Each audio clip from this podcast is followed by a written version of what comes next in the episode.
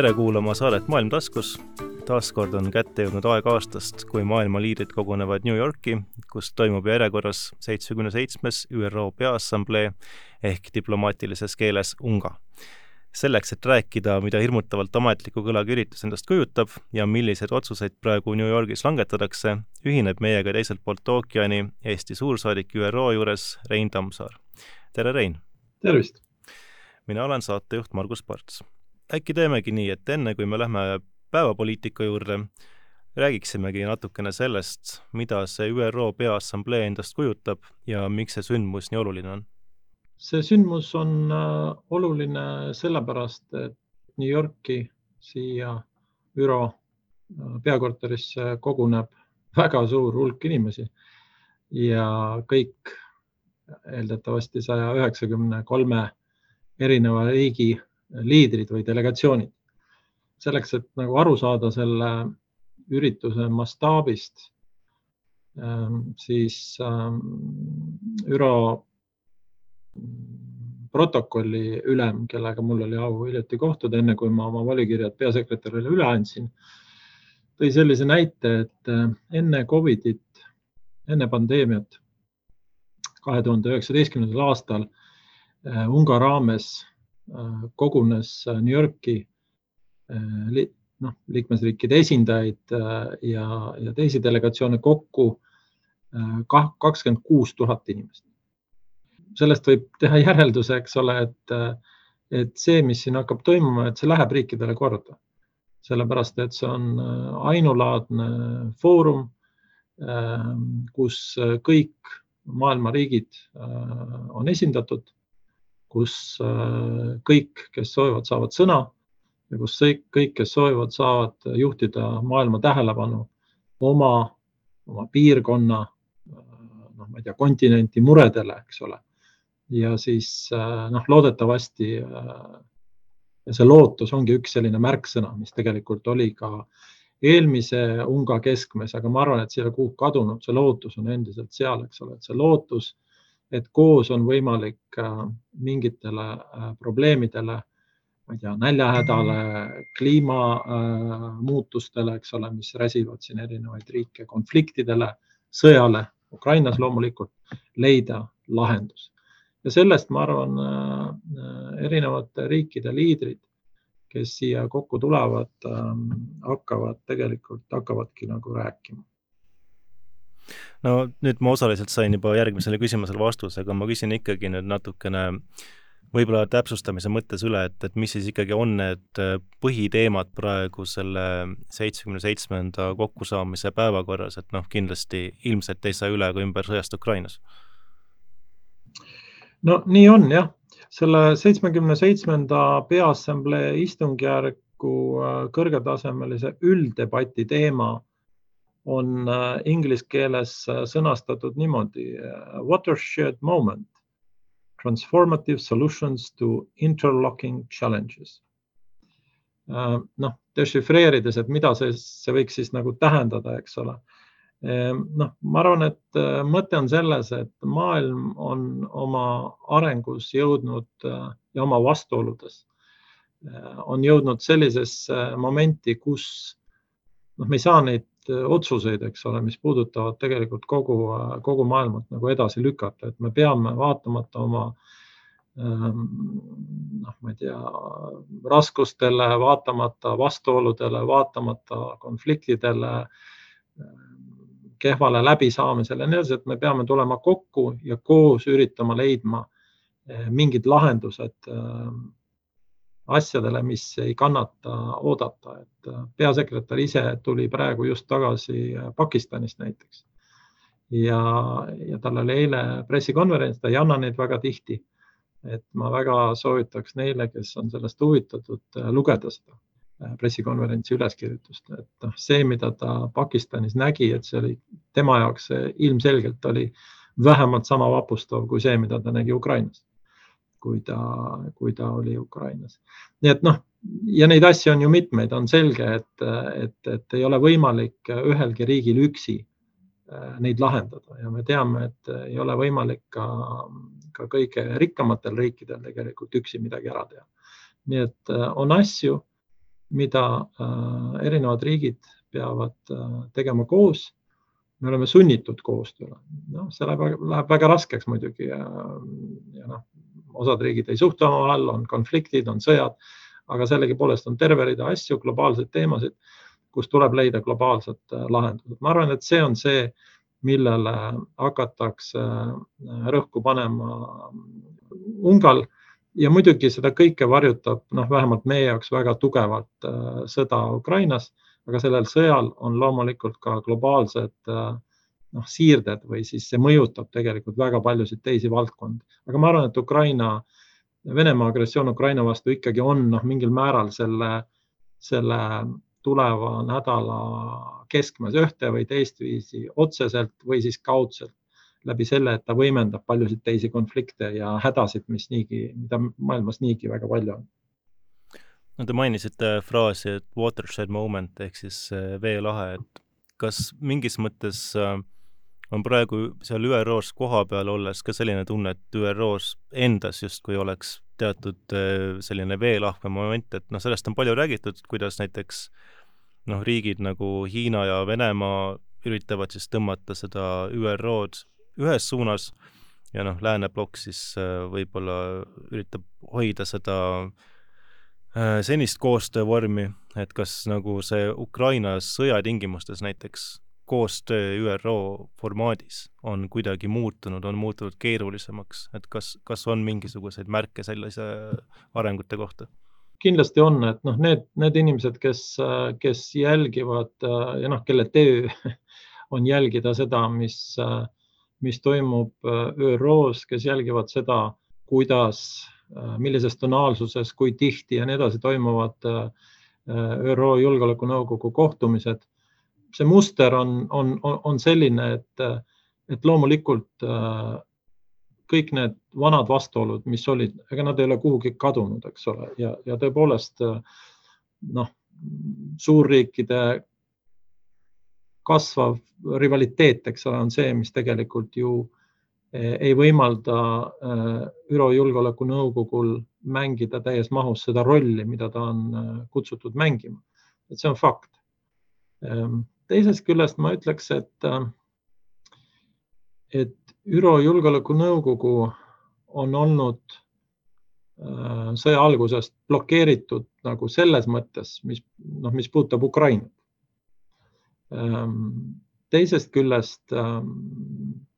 veebruari lõpust alates on, on Julgeolekunõukogu siiski võtnud vastu, ma ei mäleta, kas umbes kolmkümmend resolutsiooni, mis tähendab seda, et, et Julgeolekunõukogu töö täielikult paralüseeritud ei ole.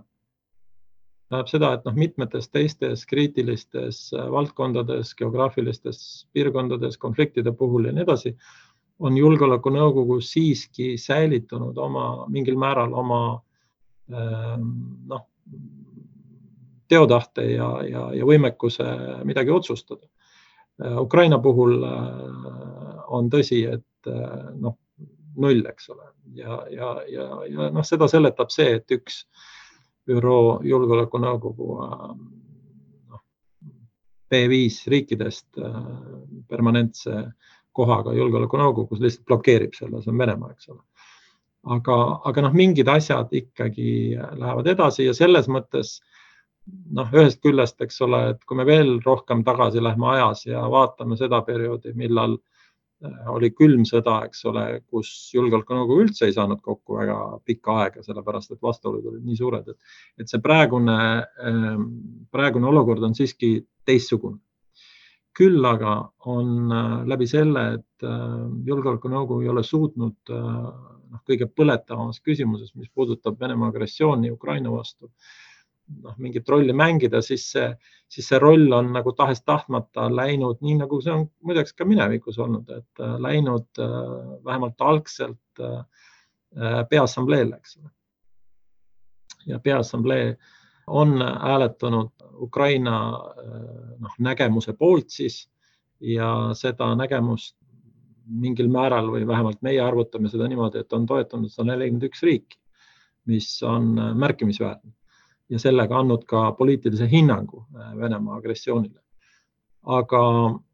aga noh, Peaassamblee ei, resolutsioonid või, või hääletused ei ole kohustuslikud, eks ole, et, et erinevalt Julgeolekunõukogust. nii et noh, see kindlasti avaldab mingit survet, aga, aga see ei lahenda nagu neid äh, teravaid probleeme, mis, mis, mis ÜRO ja ees seisavad. nii et noh, selline see, selline see olukord, äh, olukord on. Ma ise ei tahaks nagu võib-olla väga rõhutada seda, et, et, et siin on see noh, see, see telg on lääs versus teised, et noh, see ei ole päris niimoodi. ja seda tegelikult ka see hääletus, eks ole, märtsis nagu äh, näitas, et, äh, et väga paljud riigid, kes tundsid, et äh, ÜRO hartat on räigelt rikutud, olid ju nende häälte taga, eks ole, mis Ukraina sealt noppis Ähm, noh, muidugi kui, kui, kui, kui asi läheb praktilisemaks, eks ole, siis need hääled ilmselt äh, jagunevad natuke teisiti ja me näeme seda erinevates protsessides siin äh, ÜRO-s, aga, aga üldiselt see hoiak on ikkagi see, et äh, ÜRO harta räige rikkumine Venemaa poolt on hukka mõistetud ja see on taunitav, et Venemaa ise kahjuks äh, ei ole äh, pidanud vajalikuks, eks ole,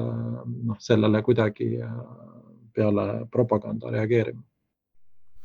ma ikkagi natukene torgiks seda julgeolekunõukogu probleemi veel, et ähm, noh, see ei ole loomulikult mitte midagi uut, et äh, riikidel on vetoõigus ja teatud riigid kasutavad seda õigust päris tihti aga sellega seoses on ka ju tegelikult päris palju räägitud sellest, et äkki peaks äh, Julgeolekunõukogu süsteemi üldse reformima, et kas need küsimused on tõusnud nüüd uuesti rohkem päevakorda? no tõepoolest ja noh, Eesti on ju ka olnud äh, ja töötanud selle nimel, eks ole, et pakkuda mingeid lahendusi selles, äh, selles valdkonnas. ma ausalt öeldes äh, paraku ei näe, et selline reaalne võimalus oleks. sellepärast et noh, vetoõigus vetoõigus kehtib ka siin, eks ole. ja, ja ma ei näe, et, et siin on mingisugust soovi noh, Venemaa, aga ilmselt ka Hiina poolt nagu üldse midagi teha.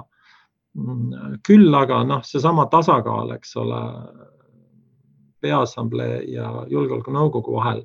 Ma arvan, et noh, seal toimub see natukene see kalibreering, eks ole. Ja, ja see, et ähm, väga paljuski näiteks äh, Liechtensteini juhitud resolutsioon sellest, et äh, kui Julgeolekunõukogus äh, riik kasutab äh,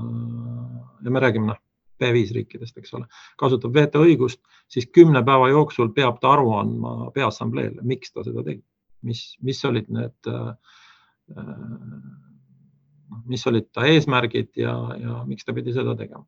et noh, see on üks noh, kes ütleb suur, kes ütleb väike, aga samm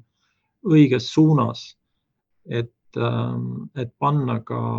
Julgeolekunõukogu liikmed olukorda, kus nad peavad teistele riikidele seletama, miks nad seda teevad. me näeme, eks ole, selle mustri järgi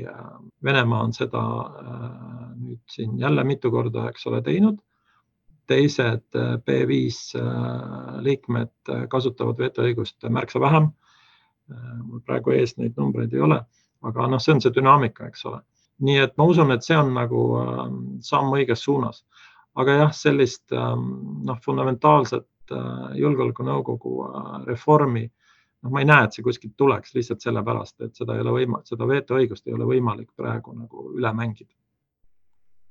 aga see on taas jälle õhus selles mõttes, et noh, et sellepärast, et Julgeolekunõukogu äh, nii olulises küsimuses nagu Ukraina küsimus on,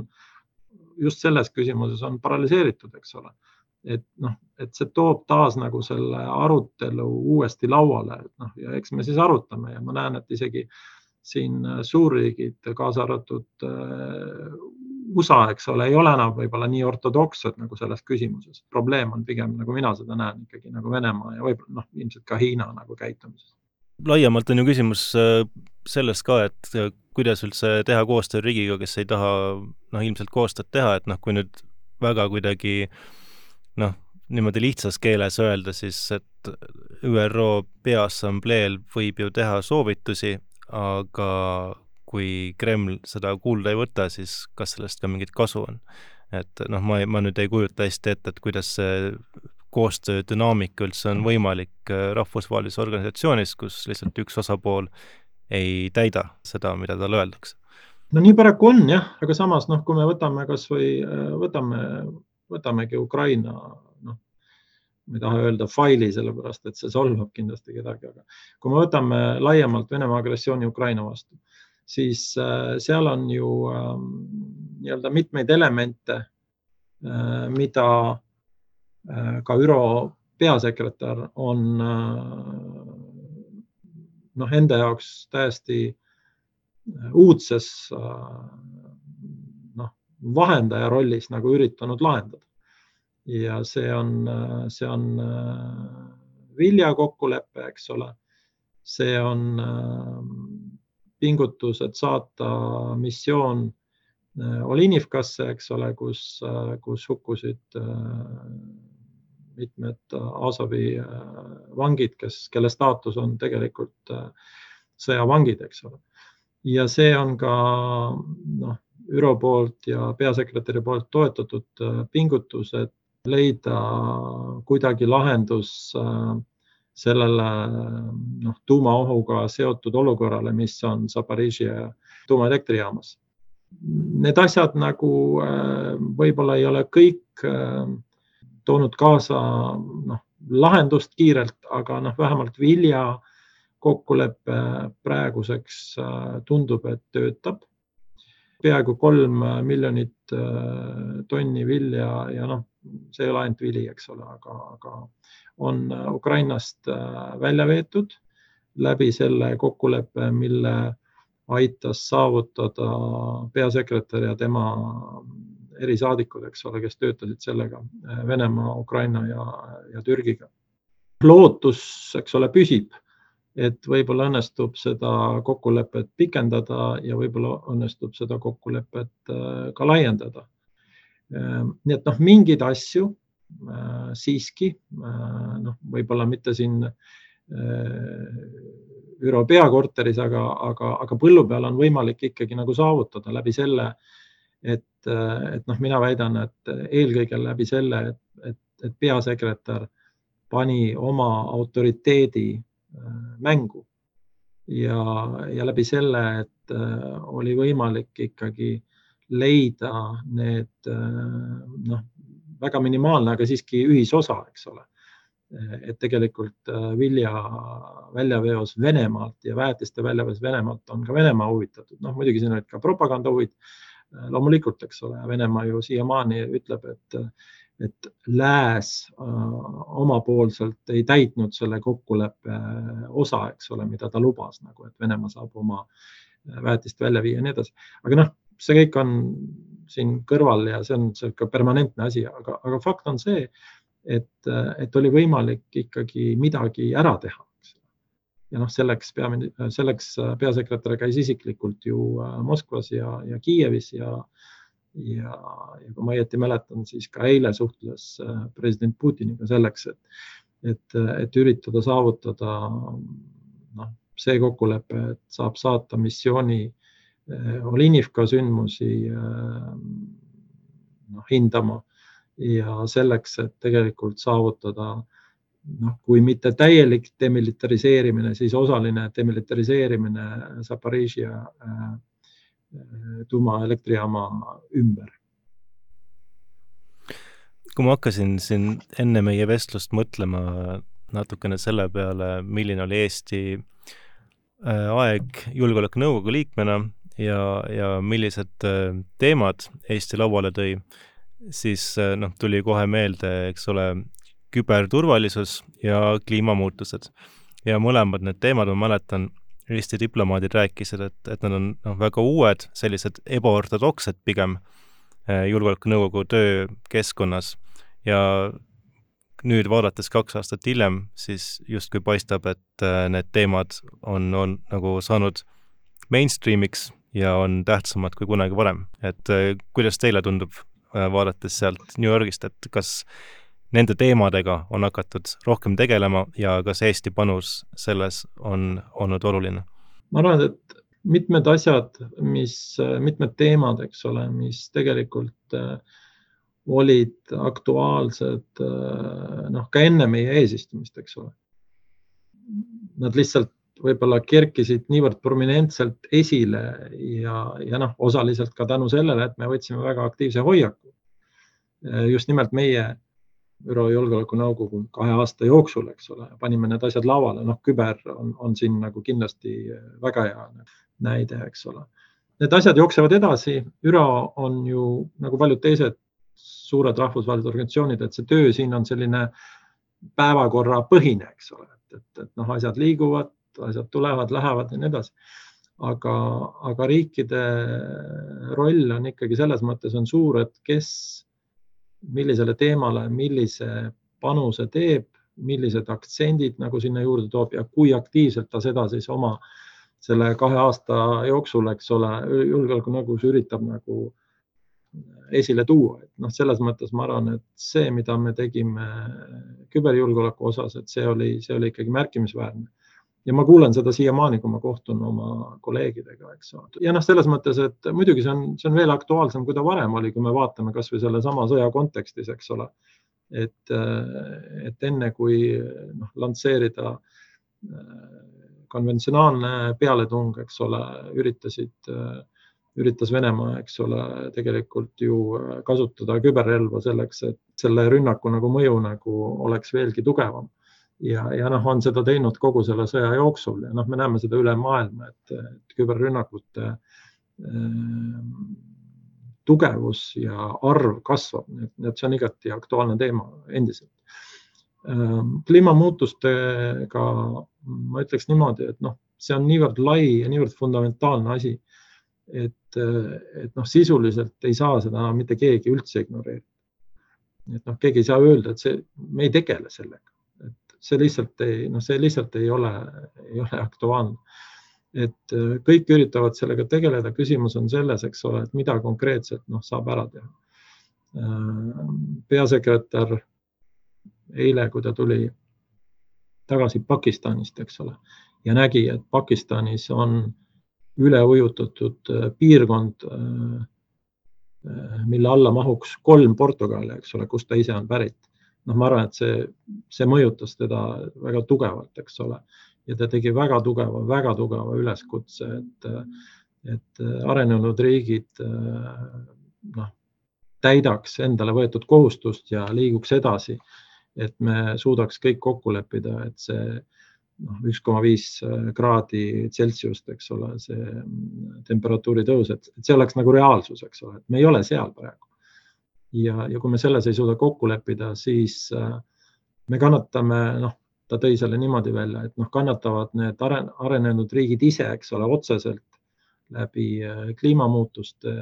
noh, üleujutuste, ma ei tea,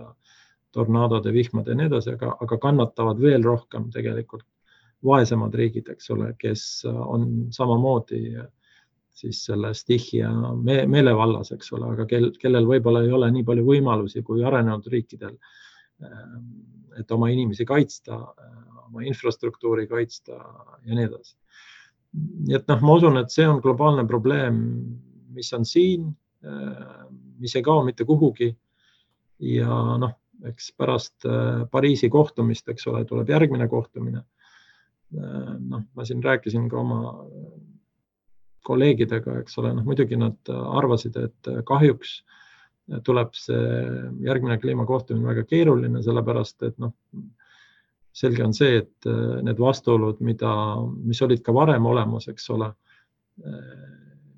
ja mis osaliselt ei ole lääs versus teised, vaid on ka lõuna versus põhi, eks ole, et noh, põhi rikkam ja lõuna vaesem et nad ei ole kuhugi kadunud ja nad on pigem noh, veelgi,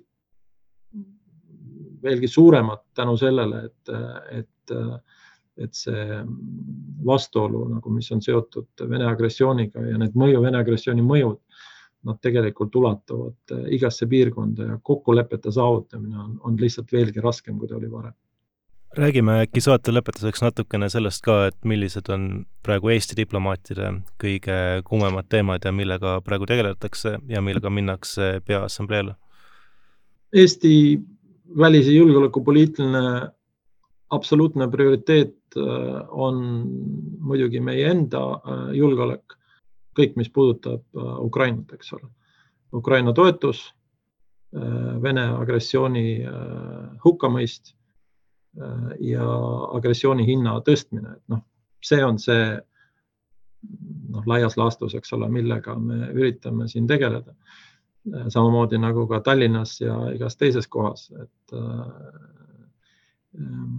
mulle tundub, et võib-olla selline noh,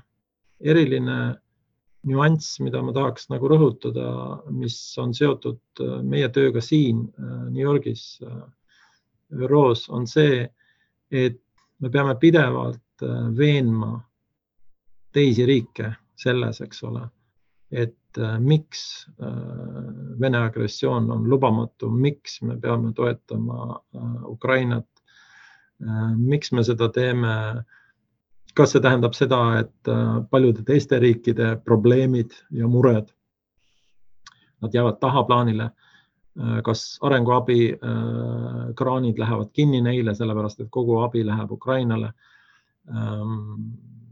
kas äh, piirkondlikud äh, konfliktid äh, ei ole enam meie fookuses, on ainult sõda Ukrainas ja nii edasi, et neid küsimusi ja muresid on, on väga-väga palju. Ja sellepärast lisaks sellele, et me toetame Ukrainat loomulikult nii palju, kui me saame ja kõikide meie käsutuses olevate vahenditega, noh, nii diplomaatiliselt kui, kui majanduslikult, poliitiliselt, aga ka sõjaliselt, eks ole siis me peame siin endale aru andma, et, et sama, vähemalt sama oluline on ka see, et me suudame hoida noh, need riigid, keda siin äh, vahel nimetatakse globaalseks lõunaks, et me suudame need riigid hoida nii-öelda pardal. Ähm, me peame hoidma neid äh, pardal selleks, et needsamad noh, sada nelikümmend üks häält nagu ei, ei, ei kaoks, eks ole, piltlikult öeldes ja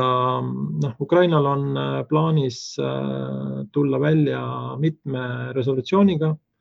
mis on äh, seotud Vene agressiooniga ja loomulikult siin me töötame koos ukrainlastega, koos teiste